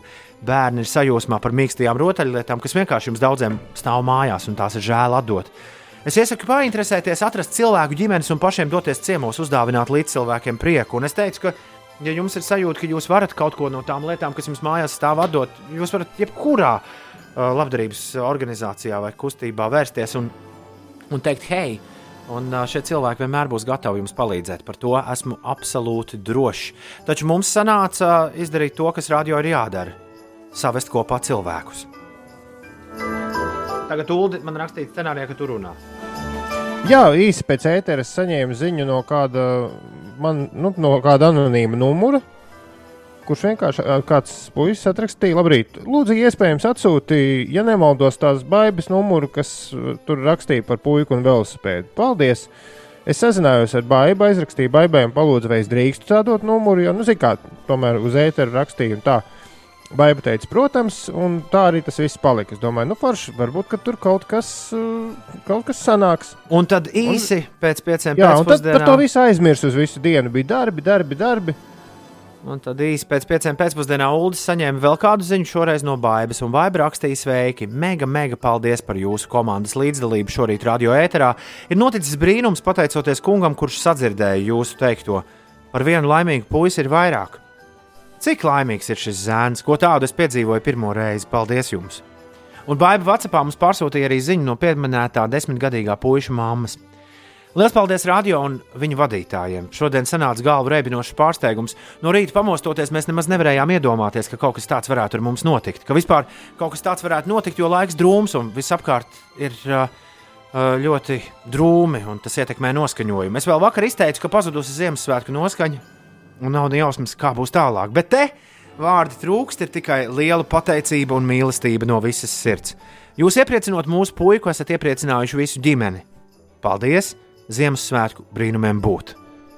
Un Baiba tev vēl arī atrakstīja kaut ko. No, Jā, un Baiba noslēdz ar to, ka viena saruna ēterā, un kāds sajūsmā raud, kādam tas ir tikai divritenis, bet kādam sapņu piepildījums. Tur mamīte cīnās, cik var pašu spēkiem. Viņai prieks, ka notika šāds brīnums, un, ja ir iespēja, lūdzu pateikt ēterā, paldies laipniem kungam, kurš iepriecināja dzintaru. Kunga vārds nav mums zināms, bet paldies laipnais kungs, kurš iepriecināja šo te puisi un ar velosipēdu, ja es pareizi saprotu. Kādu dienu? Ne tikai Ziemassvētkos, ne tikai Ziemassvētku laikā. Nu, Ziemassvētku laikā mums ir nu, viens cits liels darbs, kas ir jādara. Bet kaut kā mēs varētu regulārāk pamēģināt norganizēt nu, apmēram šādus brīnumus. Bet labi, par to padomāsim tad, kad būsim tikuši galā ar tiem brīnumiem, kas mums ir priekšā. Šo dziesmu klausījos vienmēr braucot uz Latvijas Ziemassvētku brīvlaikā universitātes gados, raksta Anete. Lielisks atmiņas. Paldies! Chris Rī! Driving home for Christmas! Yeah! Šogad tiem, kuriem no tālienes jāatbrauc mājās, būs īpaši šķēršļi jāpārvar. Turēsim īkšķus par viņiem. Taču tas, kas vakar notika radio ēterā, tas, ko mums izdevās netīšām izdarīt, ne speciāli plānojot, vienkārši tā. Tas ir galvenais iemesls, kāpēc es gribu turpināt darīt šo darbu un negribu nevienu citu darbu uz pasaules. Ir 8,21 minūte. Ines, es ceru, ka tu arī negribi nevienu citu darbu uz pasaules, tikai stāstīt, kas notiek. Jā. Īpaši šajā rītā. Mm -hmm. Ceturtdien Latvijā pārsvarā saglabāsies apmācies laiks, tas ir šodien. Vietām galvenokārt austrumu novados mazliet, mazliet sniks, gaisa temperatūra robežās no plus 1 līdz minus 2 grādiem, dienvidu, dienvidu austrumu vēju brāzmās pūtīs ar ātrumu 7 līdz 12 m2. Galvaspilsētā nav gaidāmi būtiski nokrišņu vēju brāzmās pastiprināsies līdz 11 m2, un gaisa temperatūra Rīgā svārstīsies ap nulli. Vēl par uh, laikapstākļiem nu, tāda maza statistika. Ne tikai 2020. gada novembris, bet arī kalendārais rudens kopumā. Latvijā ir bijis siltākais kopš 1924. gada, kad vispār sākti apkopot šādi dati. Tā liecina Latvijas vidas geoloģijas un meteoroloģijas centra informācija. Septembra, oktobra un novembra vidējā gaisa temperatūra šogad Latvijā bija plus 9,9 grādi, jeb 3,2 grādi virs normas.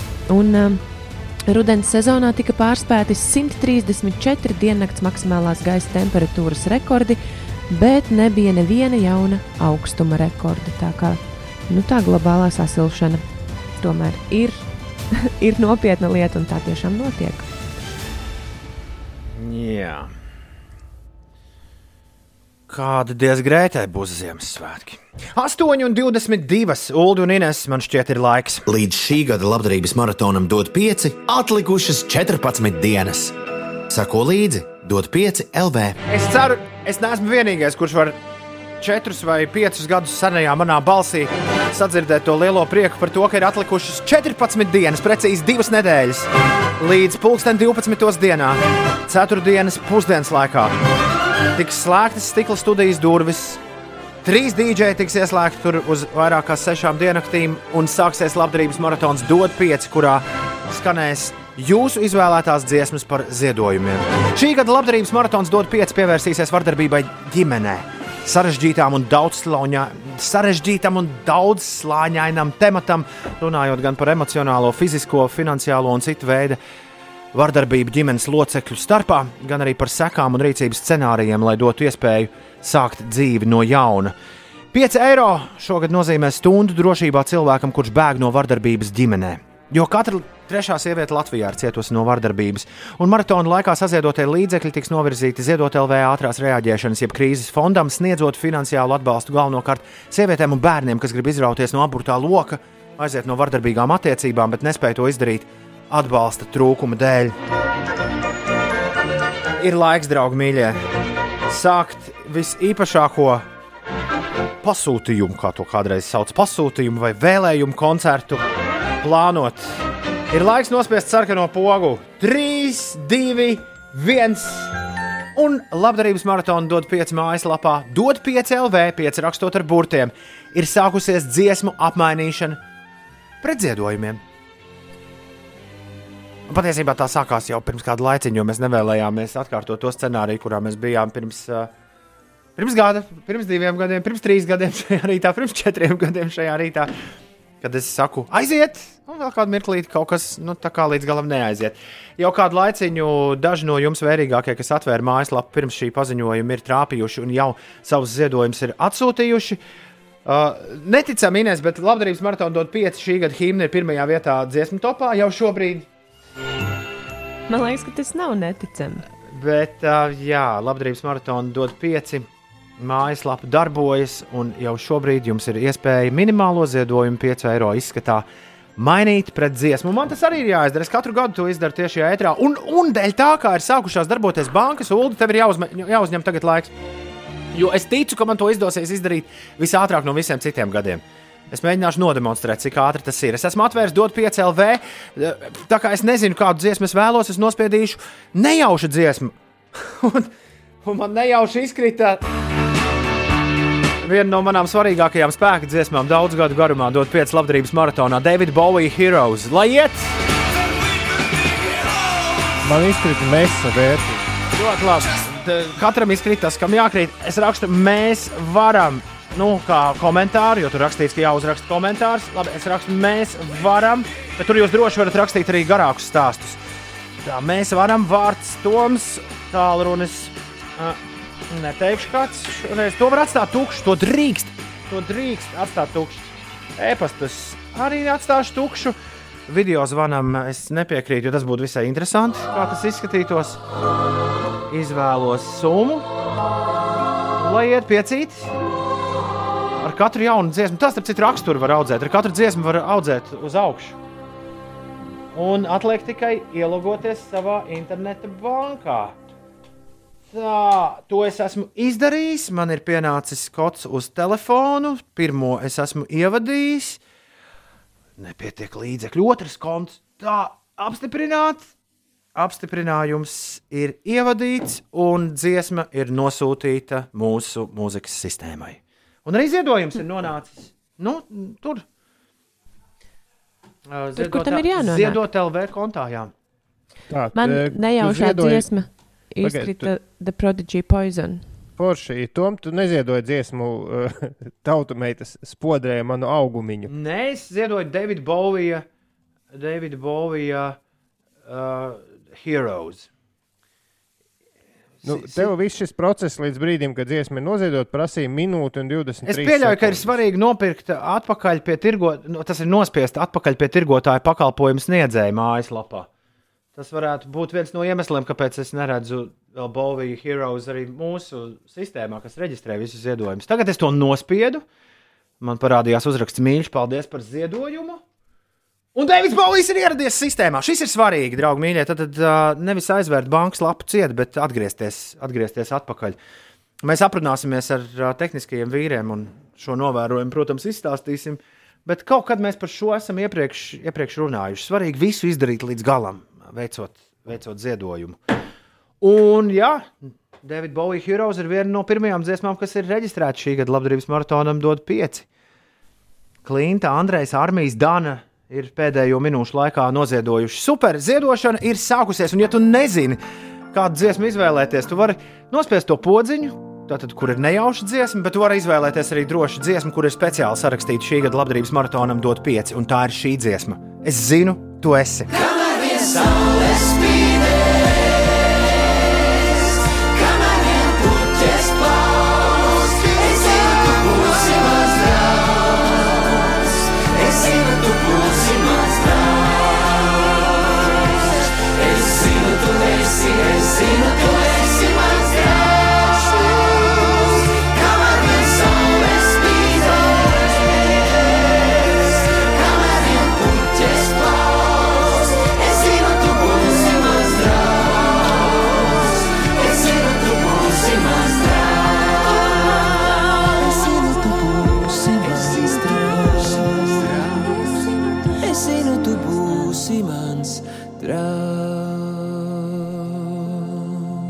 Es vēl nereizi neesmu Rūtai Dimantai paprasījis, kā viņai patīk šī gada labdarības maratona dot pieci oficiālā himna. Jāpaprasa tagad, jo Rūta Dimanta mums ir pievienojusies. Čau, Rūtā!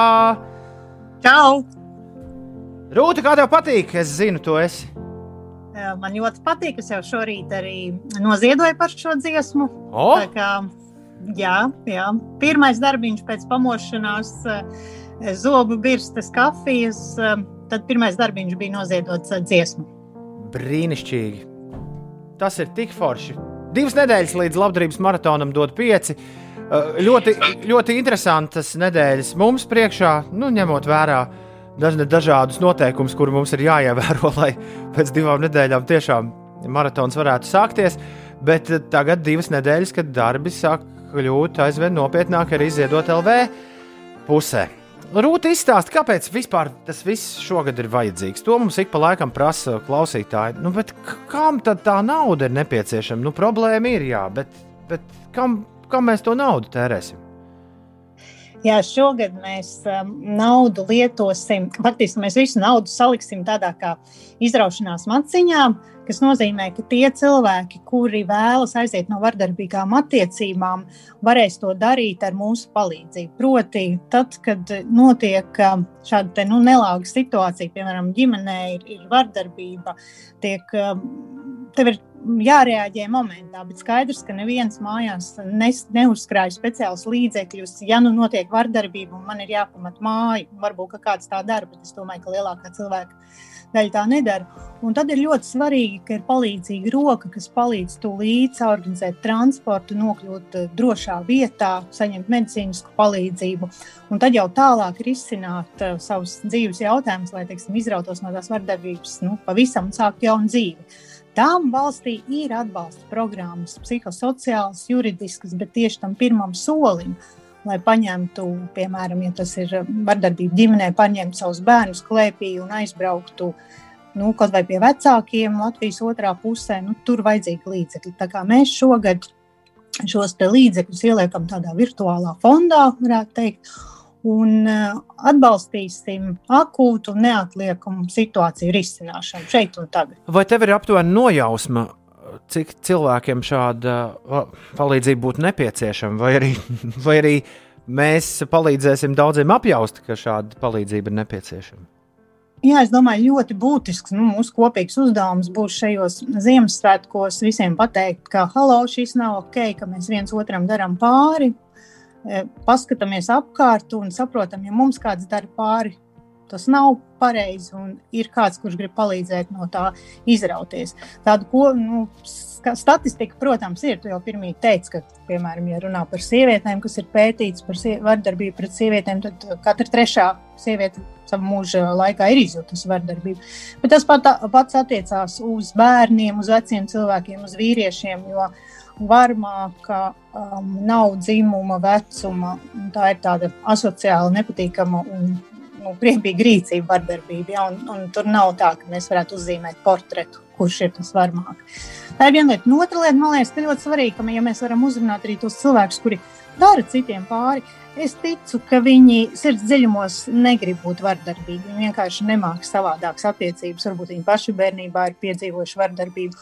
Un tā ir otra puse, par kuru jārunā, mēs nevaram tikai nu, tos cilvēkus, kuriem ir cietuši, izņemt no ģimenes un kaut kur aizvest prom. Mums jārisina nu, tā, kā, lai, lai, lai, lai, lai varētu palikt savā mājās un lai tā vardarbība tiktu pārtraukta. Faktiski mēs gribētu šī gadā būt tādi tā kā aiz rokas, nu, tāds Eh, mentors vai palīgs, kas aiz rokas izved cauri tam procesam. Jo tad, kad tu esi cietis, nu, vienalga, nu, varbūt tie, kas nav cietuši nekad vardarbībā, var iedomāties, kā viņi cieši, eh, nu, piemēram, nokrīt no riteņa vai, vai sasīt galvu, tajā brīdī tu nezini, ko tu darīt, ja tev sāp. Un tad svarīgi, ka kāds palīdz piecelties. Un vardarbībā ļoti līdzīgi, ka ļoti svarīgi, ka brīdī, kad tu esi apdūlis, apstulbis no tās šausmām, kas noticis, ka kāds, kas palīdz saprast, ko tagad darīt, kur iet. Kāds klausītājs šorīt raksta, Rūta, labrīt, vai nevarētu to visu tomēr organizēt tā, lai neļautu ziedotājiem lielīties ar saviem ziedojumiem? Nu, tas nav smuki, iemet kāpēciņu un tad liek vaļā pa visu rādio, kāds es esmu malacis. Pareizi taču to darīt tā, lai kreisā roka nezina, ko labā dara, bet Rūta Dimanta uh, ziedošanas uh, uh, mamma jums tūlīt atbildēs kaut ko pavisam citu. Es zinu. Jā, nu, es domāju, ka ir ar labiem darbiem jāstāsta. Un tā nav lielīšanās, bet tā ir mudināšana darīt arī citiem labi. Ja, viņš, ja jūs ierakstīsiet savu vārdu par, un, un pateiksiet, es esmu noziedojis šī gada dot pieci maratonam, tad iespējams jūsu kolēģi, draugi, radi apskaties, o, kāda laba lieta es arī varu izdarīt. Tā. Tas nav par lielīšanos, tas ir par to, ka pateikt, ka man šī tēma ir svarīga un ka es esmu gatavs palīdzēt. Un es teiktu, ka ir ar labiem darbiem jālepojas. Nevis jālielās, bet jālepojas. Protams, ka es teiktu tā, ka Latvijā 50% cilvēku ziedo, viņi ziedo anonīmi, neatstājot savu vārdu. Un eh, es esmu daudzkārt arī runājis ar uzņēmumu vadītājiem, ka viņiem ir jāatstāj savs vārds un jāsaka saviem darbiniekiem, ka viņi ziedo, lai, nu, lai rādītu labo piemēru. Mums vajag labos piemērus. Labdarība, tu man tā reiz teici, un es to esmu uh, sev virtuāli iekalis kā tādu absolūtu lozungu, vismaz domājot par dot pieci. Labdarība vienmēr vairo labdarību. Tieši tā, labais vairo labo, un labdarība nav pienākums. Tas drīzāk ir gods, iespēja un tavas labu, labestības apliecinājums. Mārcis prasa, kā ar vardarbību darba vietā, vardarbību draugu lokā, vardarbību skolā. Ģimene nav vienīgā vardarbīgā vide.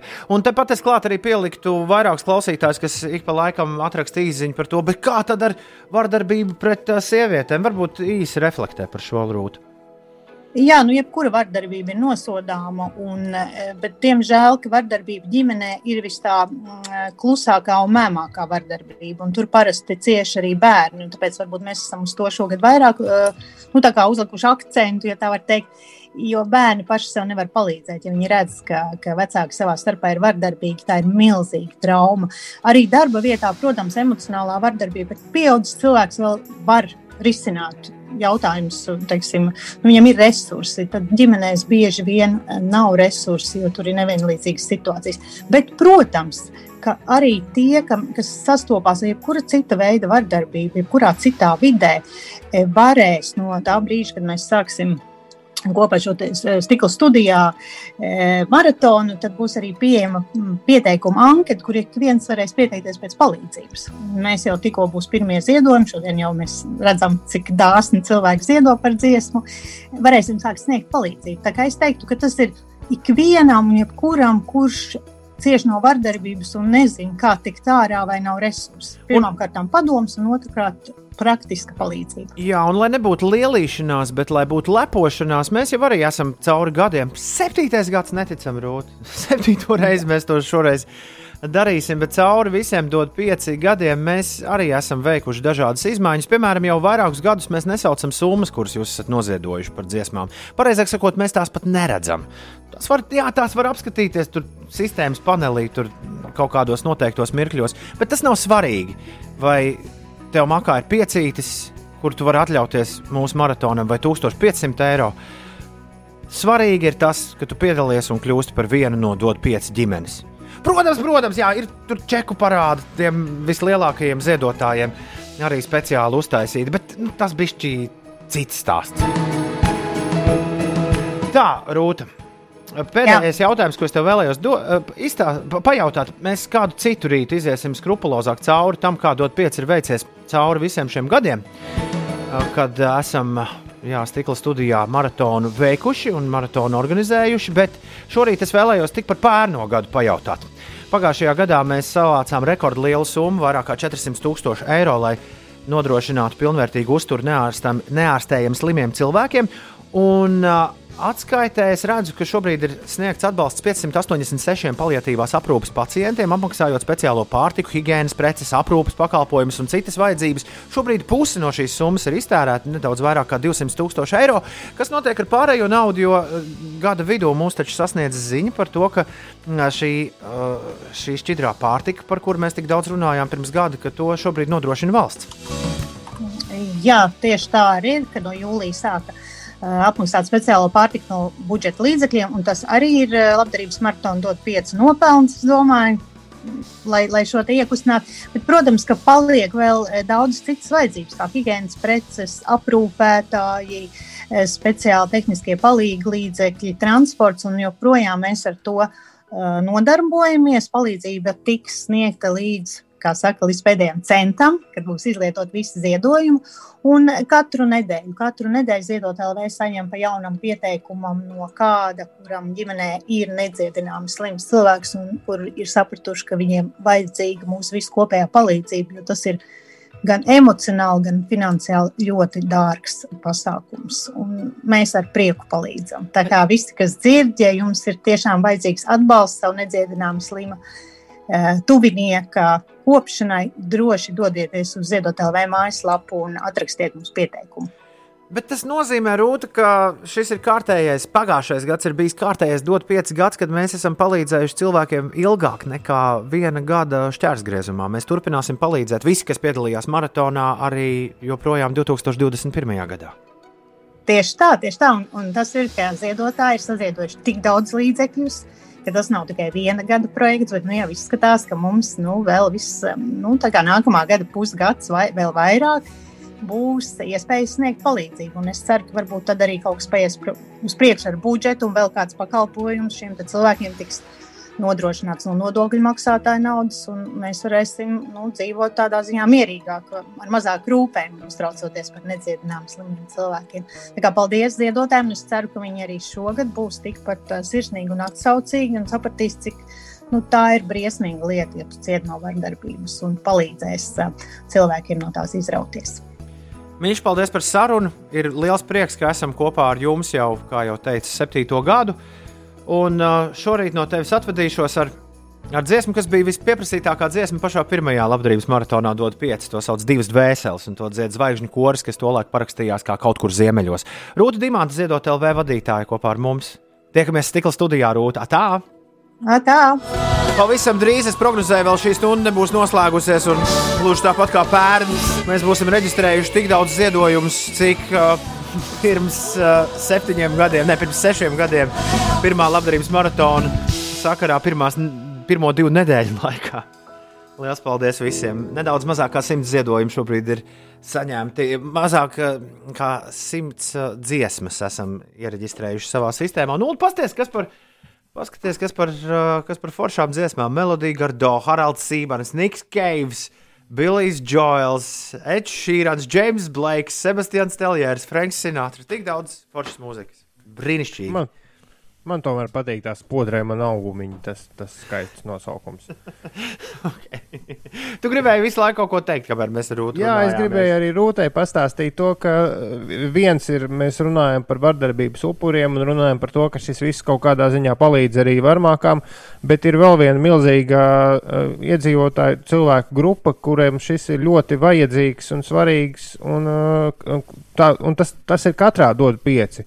Ir cilvēki, kas par šo problēmu vispār nav apzinājušies kas pat nav iedomājušies, ka kaut kas tāds eksistē. Un man eh, jau, vēl joprojām norisinās saraksts ar kādu klausītāju, kurš mums rakstīja nu, par mūsu dod pieci reklāmu, ka mēs eh, runājam par dramatiski izdomātām problēmām. Es, es paskaidroju, nu, ka tas viss ir tomēr no dzīves un tā. Un cilvēks raksta, ka nu, nav tādas vardarbības ne ģimenē, un, un viņš raksta, ka es laikam kaut kādā pasaku zemē vienīgais dzīvoju, kad ne, neko par neko tādu pat neesmu dzirdējis. Un tas, protams, ir ļoti uh, nu, apskaužami un labi, ka cilvēks ir dzīvojis tādā pasaulē, kur nekas tāds neeksistē. Bet dot pieci uzdevums vienmēr ir bijis arī nu, kaut kādā veidā cilvēks mazliet izraut no šīs ilūzijas, ka nekas tāds nenotiek. Vai tā būtu palietīva aprūpe, vai tas būtu vardarbība ģimenē, vai viss pārējais dot pieci tēmas. Tā ka mēs kaut kādā ziņā arī šī informācija, un, un, un tās nav izdomātas problēmas. Un nevienmēr dod piecas tēmas, ir ērtas. Nu, Gan arī nekad mūsu nekad tēmas Jā, nav vai, ērtas. vai, vai izklaidējošas, vai nu, tā. Jā. Mēs pārsvarā runājam par lietām, ku, par kurām cilvēki kautrējas, kaunas un negrib runāt. Klau, nu savācam beidzot miljonu gārda rakstu. Nav nemaz tik nereāli. One day, gārda, one day. Uh, Krisīts prasa, vai kāda izsole jau ir zināma. Par izsolēm, labdarības izsolēm parunāsim pēc nedēļas. Nu, nevar visu uzreiz. Tagad esam palaiduši vaļā dziesmu reģistrāciju apmaiņu par ziedojumiem. To jūs varat izdarīt, atverot mājaslapu, dod 5 LV, 5 rakstot ar burtiem, dod 5 LV, tālāk tur viss ir absolūti skaidrs zināms. Uh, Ingūns uh, prasa, Dons ir rekordists ar piedalīšanos labdarības himnās. Man šķiet, ka Māra Upmana Holsteina vinnētu.